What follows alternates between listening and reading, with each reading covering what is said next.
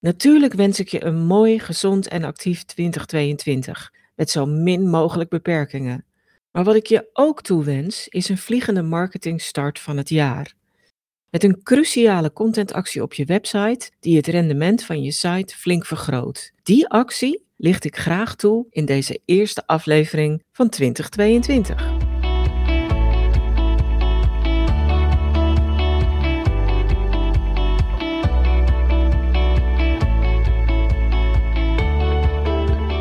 Waarschijnlijk, hopelijk, bevat je website een blog waarin je kennis, tips, observaties, inspiratie of entertainende inhoud deelt. En misschien wel allemaal. Maar de kans is heel groot dat bij je blog en op je site het volgende gebeurt. Bezoekers lezen je gratis content zonder dat ze hun mailadres achterlaten. Bezoekers lezen je gratis content, maar zien niet wat je precies verkoopt. Of bezoekers lezen je gratis content, maar hebben niet in de gaten dat jij mensen zoals zij perfect helpt. Dat is natuurlijk onwijs zonde. En hoe komt dat nou? Nou, waarschijnlijk staat er niet op iedere pagina van je website een passende weggever of een andere slimme reden om contact op te nemen allebei manieren om contactgegevens van je bezoekers te krijgen. En mogelijk mist er ook een stukje over het best passende product of de best passende dienst, compleet met een uitnodigende link, die helemaal aansluit op de pagina die men op dat moment leest. En waarschijnlijk mist er ook nog een reden om nog iets anders te lezen. Ze blijven dan langer op je site wat op zich een positief teken naar Google is. En het is natuurlijk goed voor je naamsbekendheid. Maar als mensen langer op je site blijven, zullen ze je langer onthouden. Want traffic trekken via Google naar je artikelen is één.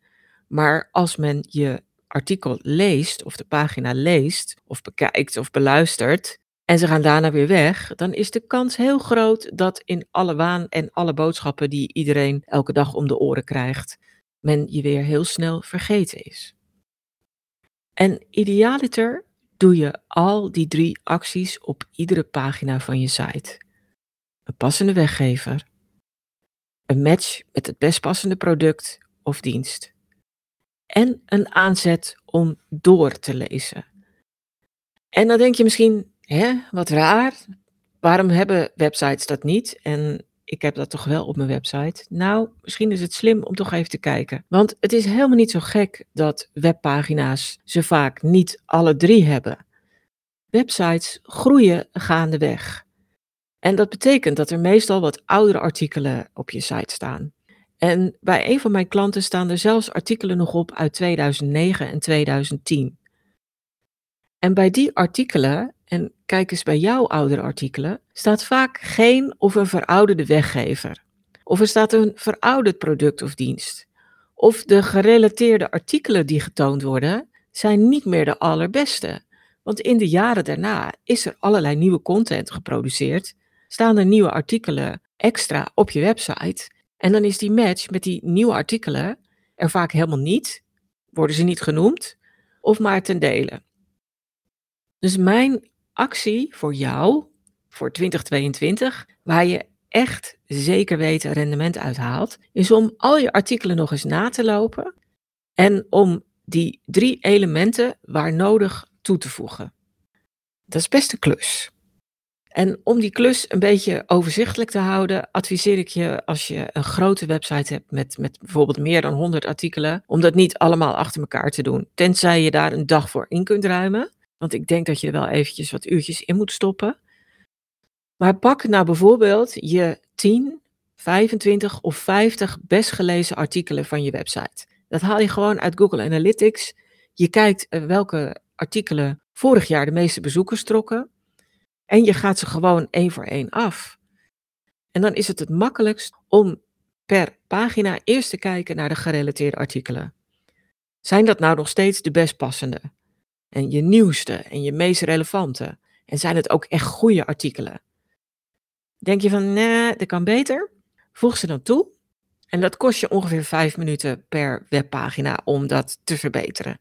En mogelijk misschien zelfs wel minder. Ik, ik durf te wedden, als je een beetje handig bent in je content management systeem, dat het minder dan vijf minuten per webpagina kost. Maar dan heb je dat in elk geval gedaan.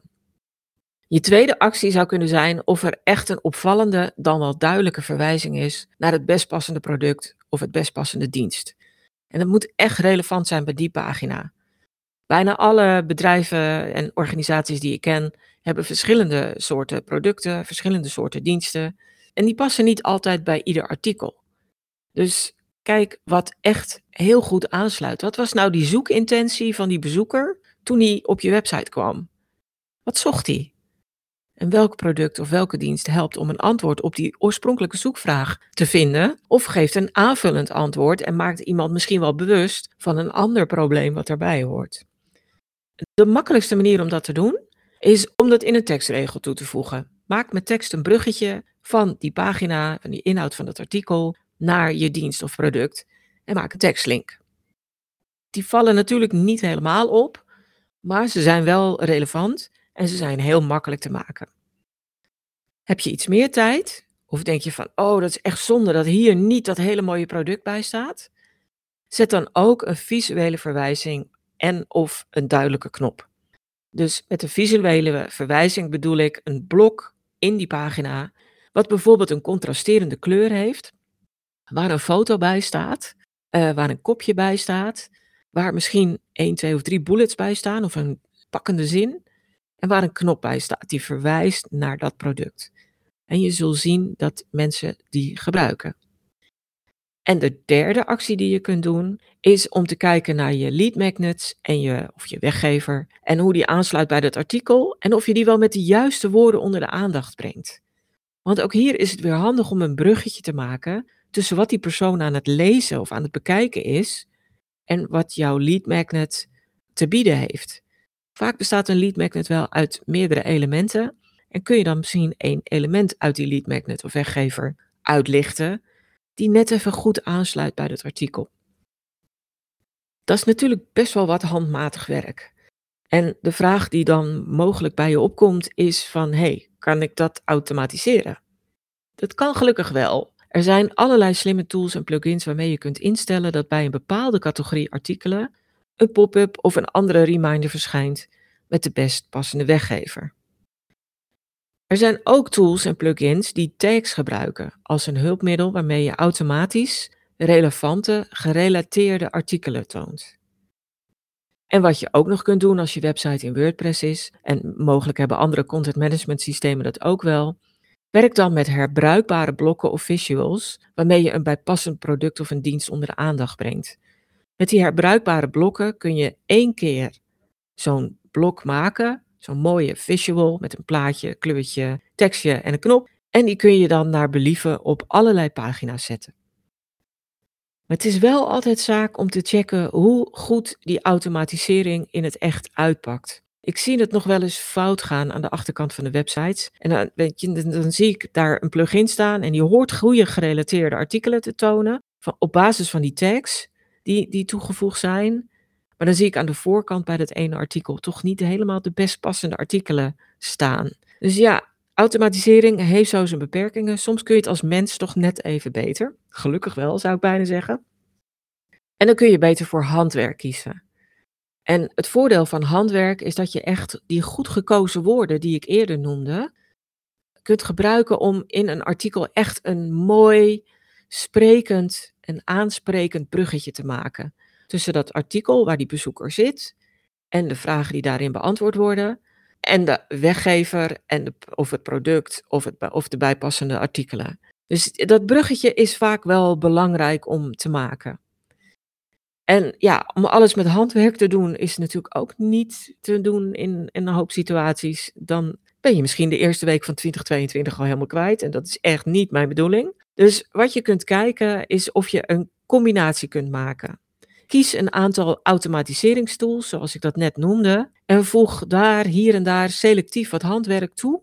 En door net even andere tekstbruggetjes te maken of een net even betere keuze te maken.